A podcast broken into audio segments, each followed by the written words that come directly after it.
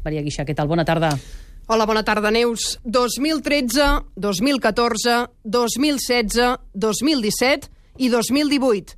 Marc Márquez, pentacampió del món. És diferent l'adrenalina de l'última cursa, de València, per exemple, l'any passat, que, que feu així una mica, una mica abans, no? Però, eh, ja et dic, no, no et canses mai perquè mm, entrenes durant la temporada, intentes treballar durant la temporada perquè arribi aquest moment.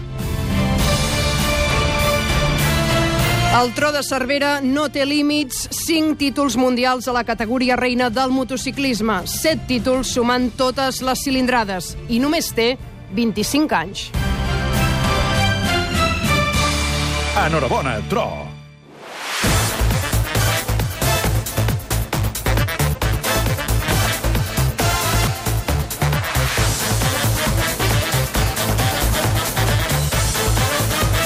Tot gira migdia amb Maria Guixà.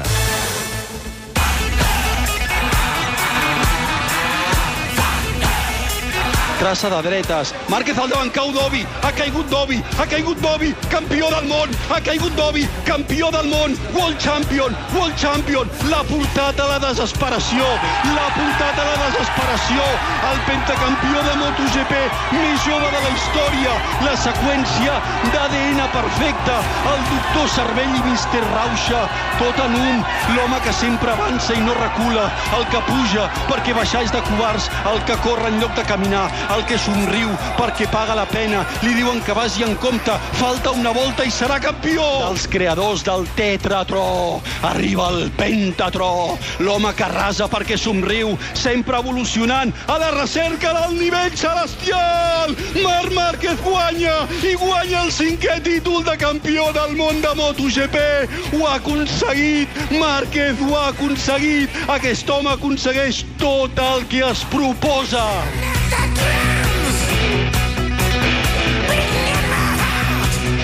Marc Márquez no té cap mena de límit. Avui a Motegi ha tornat a fer un dels seus recitals de talent, de cap fred, de gossadia, de coratge, d'intrepidesa i també de maduresa esportiva a l'abast únicament dels escollits. El tro de Cervera ja en té 5, 5 mundials a la categoria reina que el catapulten entre els més grans de la història. Encara hi ha molta corda per estona a Motegi i tenim el Damià Aguilar. Damià, bona tarda.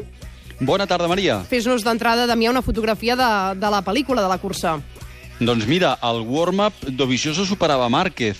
Ha començat la cursa i el cert és que Marc Márquez, que sortia sisè, en pocs revolts ha guanyat ja tres posicions i s'ha situat interposat eh, Cal Cratchlow entre Dovizioso i ell mateix de seguida ja en el primer pas per meta ha superat a tots els rivals i s'ha quedat al darrere de Dovizioso. Això han estat eh, una sèrie de, de voltes, una sèrie de, de voltes que al final ens han portat a una certa monotonia, amb la tensió però monotonia. Era una cursa de 24 voltes i quan en faltaven 10 Márquez fa el primer atac. Un atac que és un avançament en el revolt número 9, arriben al revolt número 10, el revolt número 10 és de dretes molt tancat i agafen una recta amb baixada que és, eh, com pots imaginar, la part del circuit on més gas donen. Allà Márquez ha comès una errada, ha trepitjat la sorra i això permet eh, Andrea Dovizioso tornar a recuperar la primera posició. A partir d'aquí s'han eh, seguit les voltes fins que faltant-ne 4, Márquez torna a fer l'avançament en el mateix punt, aleshores ja no comet l'errada i aguanta la posició i a partir d'aquell moment Márquez el que ha fet és tirar i fer que Andrea Dovizioso traiés la llengua fins al punt que faltant dues voltes Andrea Dovizioso ha caigut anant al darrere de Marc Márquez. Dovizioso ha reconegut que havia estat una errada seva. Márquez faltava eh, més d'una volta i ja era campió del món per cinquena vegada. Amb aquell somriure que el caracteritza, amb una celebració també Made in Marc Márquez, ara ens l'expliques, Damià. Hem sentit les primeres valoracions del tro de Cervera, el sentirem més àmpliament aquesta tarda, entre 4 i 6 de la tarda, amb aquest especial Marc Campió, que farem el Tot Girar amb el David Clopés, amb tu mateix, i amb moltes més sorpreses. Però què ha dit Márquez? Mira, eh, l'interessant, el meravellós de Márquez és que el seu ADN no canvia. Ell pot oferir-nos tots els papers de l'auca en el moment de desplegar el seu pilotatge i el seu talent, però l'ADN el té, i està clar que nosaltres sabíem que avui se la jugaria. El que passa és que, a més a més, quan hem anat a preguntar-li, ha dit no, no, jo volia aprofitar el primer match point. Ho comences a veure a prop, comences a intuir que pot ser campió però dic, aquest no és el meu estil. Eh, el meu estil és intentar arriesgar i vaig provar de buscar motivacions extres i una de les motivacions extres és eh, per què no feu a la primera bola de partit, eh, per, per, per què no feu a la primera oportunitat que teníem. I, i allà és on, eh, on m'he centrat al cap de setmana per intentar fer-ho aquí a Japó per intentar ho guanyant la cursa eh, perquè eh, sempre és eh, més bonic i, i bueno, ho hem aconseguit eh, ja et dic, eh, ha sortit la, la cursa perfecta. Márquez és el dominador de la seva època. Des del 2013 ningú ha guanyat més curses que ell, ningú ha fet més podis que ell, ningú ha fet més voltes ràpides que ell, ningú ha fet més pole positions que ell. No es cansa de guanyar. És diferent l'adrenalina de l'última cursa, de València, per exemple, l'any passat, que, que feu així una mica, una mica abans, no? Però, eh, ja et dic, no, no et canses mai perquè mm, entrenes durant la temporada, intentes treballar durant la temporada perquè arribi aquest moment. I, vaja, és curiós perquè eh, no s'ha lliurat, diguem-ne, de la part anecdòtica. Hi ha hagut un moment que, quan ha anat a festejar, ell sabia... Ell només, de, la festa no sabia res, només sabia que s'havia d'aturar el revolt número 3. S'ha aturat el revolt número 3, ha aparegut Scott Redding, eh, l'ha felicitat, s'han abraçat en una posició estranya mm -hmm. i resulta que Márquez eh, se li ha sortit l'espatlla esquerra. Mm. I aleshores hi ha hagut un moment que no ho hem entès perquè l'hem vist estirat a terra i és que el seu germà Àlex li ha posat a lloc. Marc Márquez després ens ha confessat que l'espatlla esquerra ha estat un mal de cap tota la temporada. Al final d'any hauré de passar per xapa i pintura, hauré d'anar allà a veure el doctor Mir a, a veure si em fa un apanyo a la, a la palla, a l'espatlla esquerra, però sí, celebrant-ho m'he abraçat, no, no hi havia control i se m'ha dislocat l'ombro. On, bueno, hi, hi havia el, el meu germà i el, i el José, que, que són els dos que entrenem sempre. No és el primer cop que me la ficaven a puesto, així que ho han fet molt ràpid.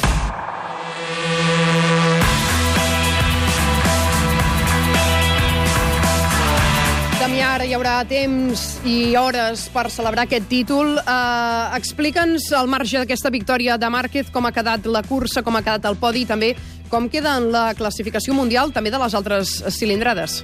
Mira, vuitena victòria de Márquez aquesta temporada. És eh, dels seus títols mundials, és el segon any que més victòries ha assolit de moment. Segon que el Crutchlow, tercer Àlex Rins, Rossi quart, cinquè Bautista, sisè Zarco, setè Vinyales, vuitè Pedrosa, tretzè Pol Espargaró, dissetè Torres fora dels punts. Aleix Espargaró ha tingut un problema amb la pressió del pneumàtic del davant, ha hagut d'abandonar, i Andrea Dovizioso, que havia caigut a dues voltes pel final, ha tornat a la moto, però ha acabat 18è. Marc Márquez ja és matemàticament campió, té 102 punts més que Andrea Dovizioso i 111 més que Valentino Rossi. Per tant, atenció, Valentino Rossi s'està acostant ara mateix a la lluita pel eh, subcampionat. Pel que fa a Moto2, ha guanyat Fabio Quartararo, però l'han sancionat i l'han desqualificat per tenir les pressions inadequades en els seus pneumàtics. Ha guanyat, per tant, Francesco Banyalla, el líder, sobre Baldassarri i Oliveira, amb la quarta posició per l'Àlex Márquez i Banyalla, que té un avantatge de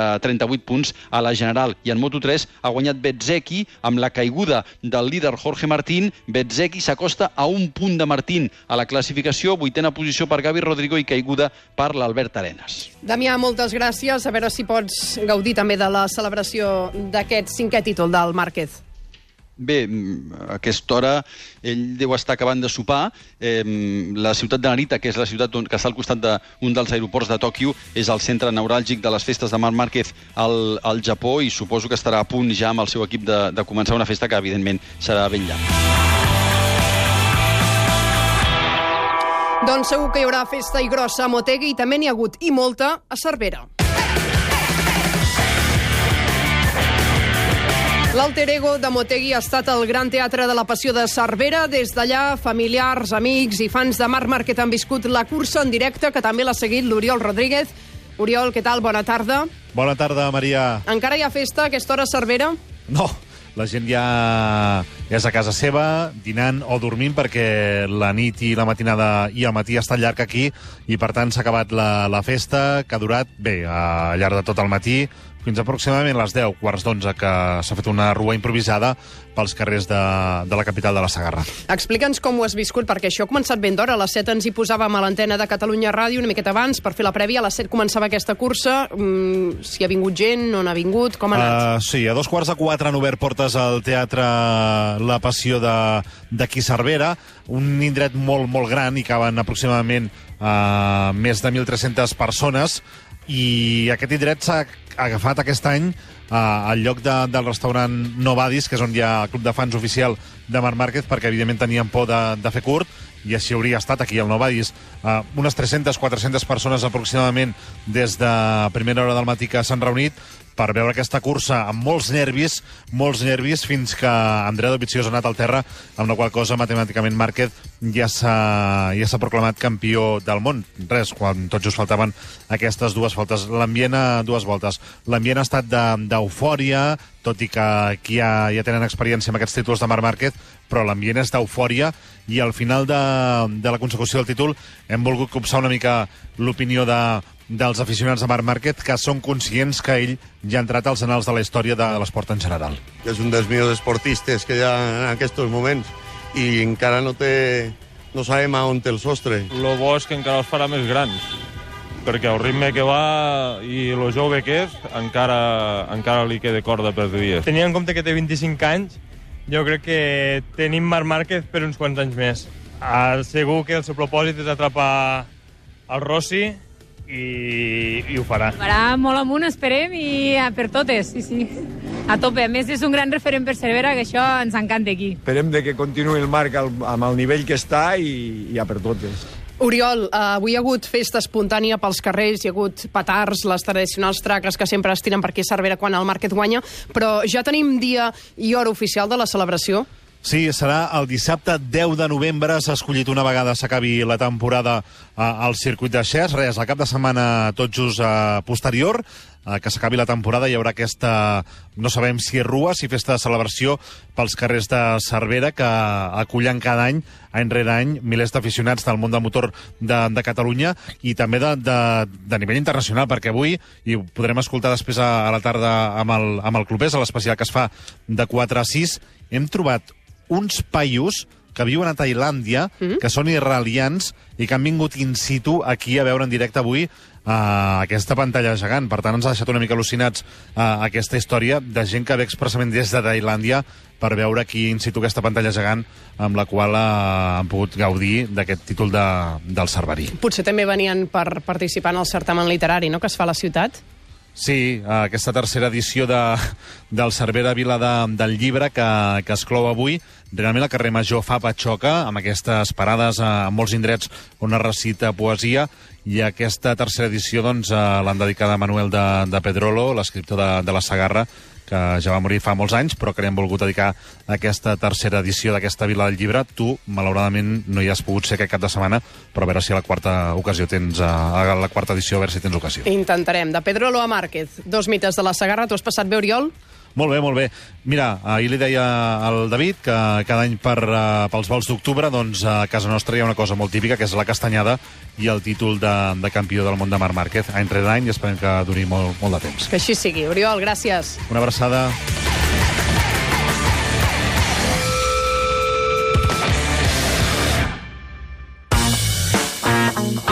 Tot gira a migdia, amb Maria Guixà. Diumenge 25 de novembre participa la 95a cursa atlètica Jan Wayne Mundo Deportivo Gran Premi Aliam. Amb el patrocini d'Aigües de Barcelona, AML Esport, Freedom, CaixaBank, Sòria Natural, Danone i Jopro, la Locant de Pizza i la Grossa de Cap d'Any. Corre a inscriure't a janwayne.cat i rebràs una samarreta tècnica d'alta qualitat Mizuno, disponible en dos models, d'home i de dona. Diumenge 25 de novembre, Runners de Barcelona. La Jan Wayne és la vostra cursa. Als Estats Units, els policies cada cop més semblen soldats. El govern els facilita material militar de franc. En aquest web s'hi veu tot el que tenen en estoc. És com comprar a eBay. I a més, massa vegades disparen a matar. En un sol any hi ha hagut mil morts. Tema a la policia. 30 minuts. A TV3 aquesta nit. Tot gira a migdia amb Maria Guixà. Tres quarts a tres de la tarda, avui juga l'Espanyol, que es pot situar segon.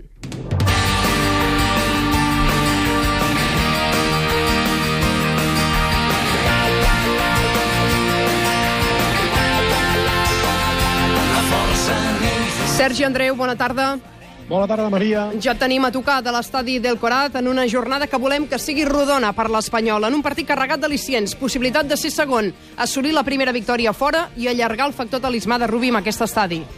Sí, a veure, si avui l'Espanyol guanya, poca broma, eh? 17 punts en 9 jornades. Són números excel·lents per una primera temporada d'un entrenador, en aquest cas, de Rubi, tenint en compte que aquesta havia de ser una temporada de transició, 17 punts en les primeres 9 jornades, que és una fita que s'ha anat repetint en alguna ocasió en els últims anys, 20-22 anys, des que les lligues tenen 3 punts, però que situaria l'Espanyol a un punt del líder, en aquest cas el Barça, una dada que, eh, per trobar-la més o menys semblant, ens hauríem de remuntar a la temporada 95-96, que amb Camacho, aquella temporada que va acabar guanyant la Lliga l'Atlètic de Madrid, a la jornada tretzena, l'Espanyol era co-líder amb l'Atlètic de, de Madrid, amb el Barça, i l'Espanyol era tercer en aquell moment amb 30 punts, tots tres empatats a punts. Per tant, des de fa 22 anys que l'Espanyol no es trobava en una situació tan favorable o tan propera al líder com ho podria estar avui si acaba guanyant a l'Alcoraz. Eh, Busquen la victòria, perquè és que no han guanyat encara, malgrat el bon inici de temporada dels homes de Rubí, fora de casa. Dos empats contra el Celta i contra el Rayo, dues derrotes. al camp de l'Alavés, al camp del Madrid, ahir Rubí ho deia, toca la victòria, toca la victòria en un camp en què potser no vindria de gust guanyar-hi, perquè Rubí l'any passat aquí, l'any passat fa cinc mesos, i va aconseguir l'ascens com a entrenador de l'equip de l'Osca, ara però no valen sentimentalismes, no hi ha històries que, que comptin, avui s'ha de guanyar sí o sí aquí al camp de l'Alcoraz. Un partit que començarà a dos quarts de set de la tarda, que seguirem en directe al Tot Gira. Gràcies, Sergi. Un espanyol, doncs, que arriba amb possibilitat de seguir trepitjant els talons a la part alta. Trepitjar els talons a un líder que, malgrat tot, ha quedat ferit. Ha caigut a terra Messi, protesta el públic del Camp Ha Nou. topat amb el Mudo Vázquez i s'ha fet mal. falta. Sí, sí, s'endú la mà al braç i es queixa molt Messi, eh? Sí, a la zona... I ell no es queixa mai, eh? Colze No, no. dret. Doncs fa patir, eh? Aquesta imatge de Messi queixant-se moltíssim del braç, criden les assistències, Està fent com tombarella sobre ell Sí, mateix sí, sí, i tocant-se el colze dret. s'està recargolant de dolor, aquesta seria l'expressió. Sí, sí. Lesió de Leo Messi, tres setmanes de baixa, fractura de radi de l'avantbraç dret i Roger Bosà, bona tarda. Bona tarda, Maria. La pitjor de les notícies per a un Barça que és líder i que ja espera el Madrid. Sí, el lideratge ha sortit car sense Messi al Clàssic i tampoc en cinc partits més. Se'n perdrà sis en total, també els dos partits contra l'Inter a la Champions. Demà mateix Messi comença la recuperació després que ahir li fessin les proves i ara mateix molt complicat que pugui arribar abans de la pròxima aturada, és a dir, abans de la setmana del 12 al 18 de novembre, tornarà després, en principi tornarà la setmana següent, el dia 24, contra l'Atlètic de Madrid al Wanda Metropolitano. I demà tanca la jornada pel que fa als equips catalans, el Girona.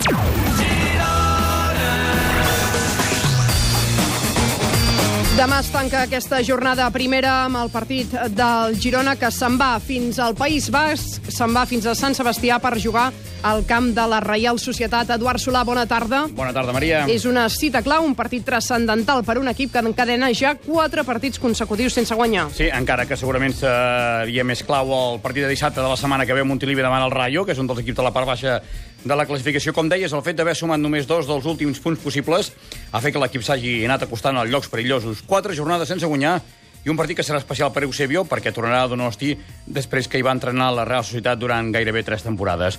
Avui Eusebio ha lamentat la baixa de llarga duració de Mojica, ha dit que miraran al mercat per si poden trobar-li un substitut i ha reconegut que durant aquests 15 dies sense lliga ha decidit treballar en una sola direcció, en un sol sistema, i no variar-lo com havia fet fins ara perquè això havia vist que els jugadors no estaven centrats. estar eh, igual dividiendo esfuerzos para dos propuestas eh, diferentes, me daba la impresión de que no estábamos eh, con las fuerzas y la concentración 100% en, en, el, en el juego, en el partido.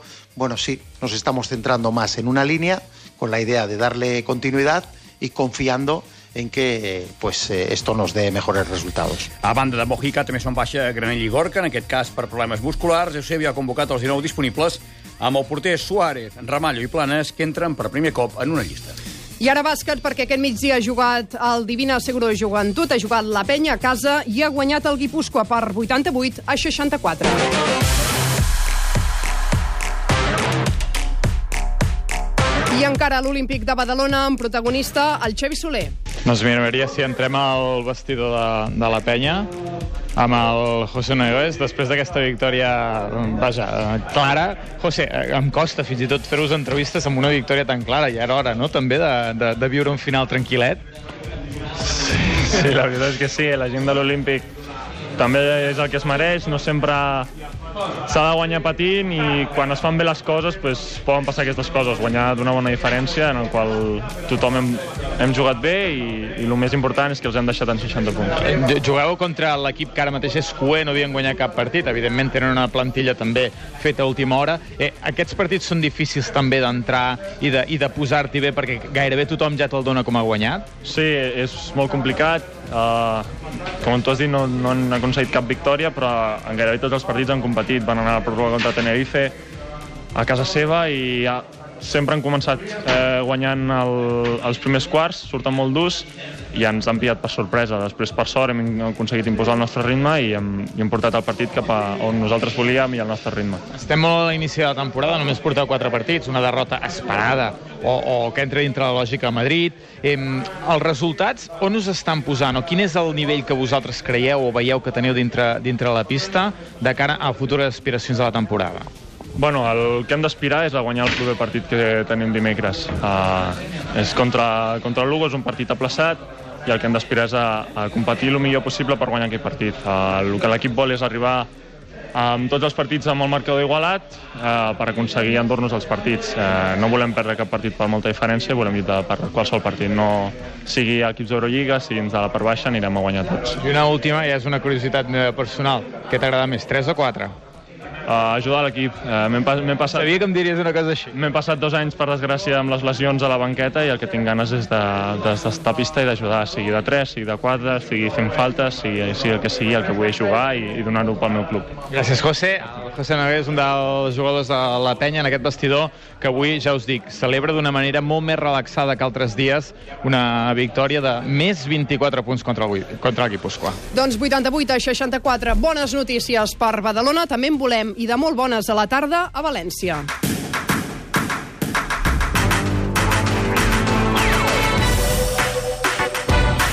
Perquè aquesta tarda juga el Barça, el líder de la Lliga, s'ha desplaçat fins a València, on ja hi tenim l'Ernest Macià. Bona tarda. Què tal, Maria? Bona tarda. És potser la gran o la primera de les proves de foc de moment en aquest sí. inici de campionat pel Barça, que juga, sí. recordem, eh, un quart de vuit del vespre.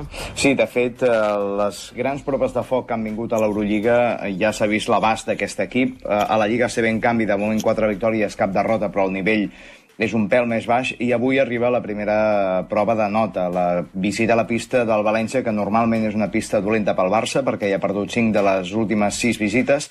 L'any passat va guanyar d'un punt, aquest any el València havia començat malament, però s'està recuperant, per tant, caldrà veure què passa aquesta tarda, ho seguirem al tot gira. En tot cas, el Barça encara no pot recuperar Adam Hanga, i això és important perquè físicament el Barça puja molt. I això sí, el València també té tres baixes importants, la de Rafa Martínez, Antoine Diot i Joan Sastre. Doncs aquesta tarda, un quart de vuit, amb l'Ernest Macià des de València, amb aquest València-Barça rodonint una jornada que ha començat amb bones sensacions pels catalans i que volem també que s'acabi. Bones sensacions també les que hi ha hagut, també en clau blaugrana, al Palau, fa molt poca estona.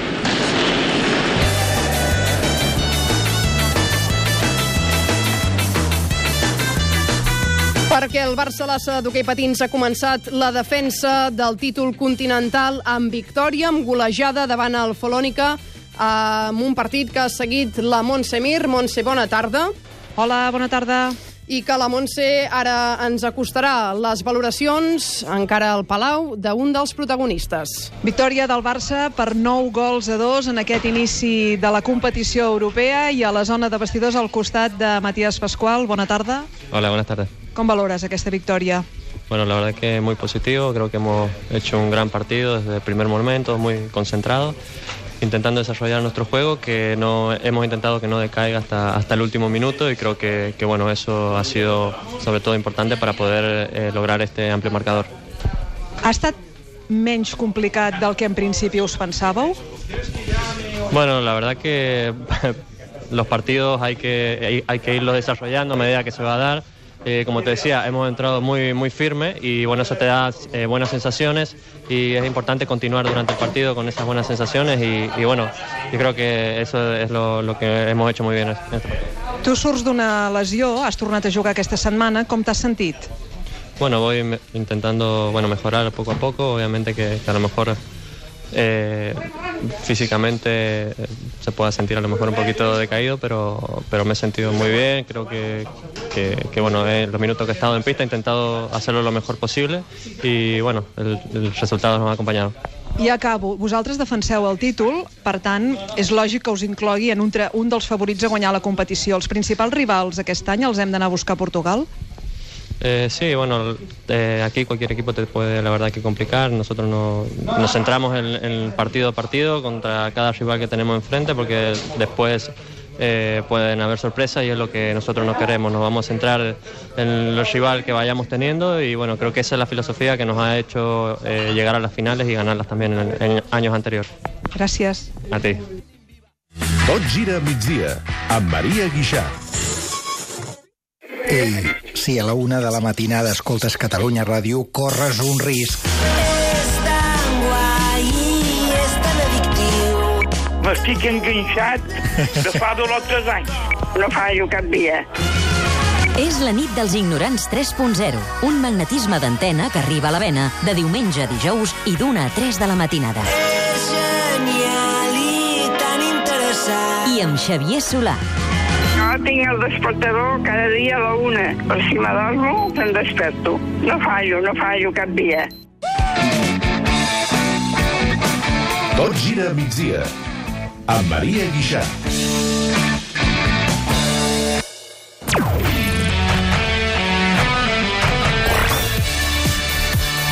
Més de 3 minuts i seran les 3 de la tarda, recta final del tot gira a migdia per centrar-nos en la segona divisió. Avui juguen Reus i Nàstic, els tarragonins ho fan a Lugo d'aquí a poca estona, a les 4. Allà ja hi tenim el Xavi Palau, bona tarda.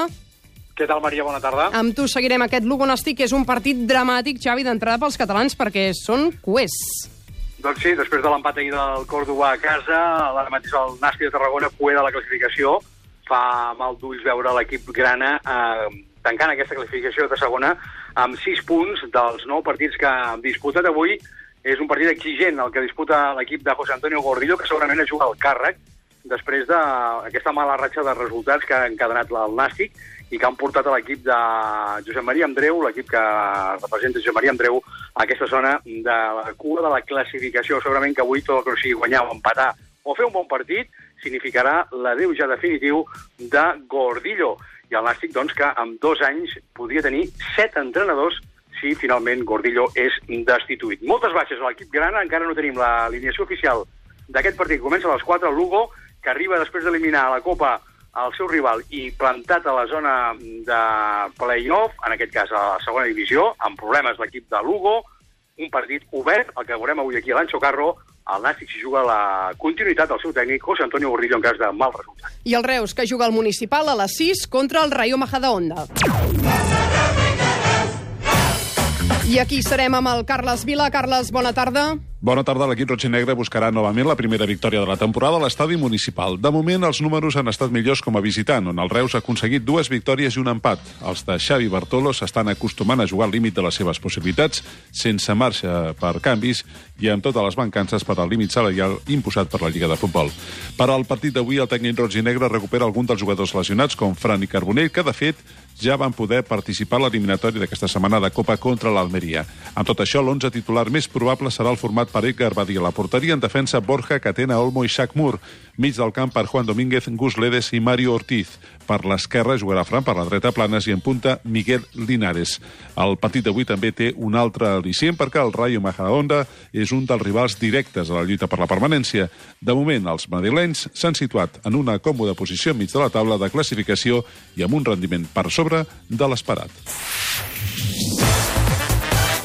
Amb aquest punt de segona divisió posem punt final al tot gira migdia. Amb molt de motor avui també hem de destacar que Hamilton podria ser campió del món a partir de les 8 i 10 del vespre. Cursa des del circuit d'Austin a Texas amb el britànic sortint des de la pol. Necessita superar Sebastián Vettel per 8 punts a la cursa que aquesta tarda seguirem el Tot Gira també amb l'Oriol Rodríguez. Ho deixem aquí. Especial Tot Gira Marc Márquez campió de 4 a 6. Pareu bé les orelles, moltes sorpreses. Sentirem el tro de Cervera. Que vagi molt bé aquest diumenge. Adéu-siau.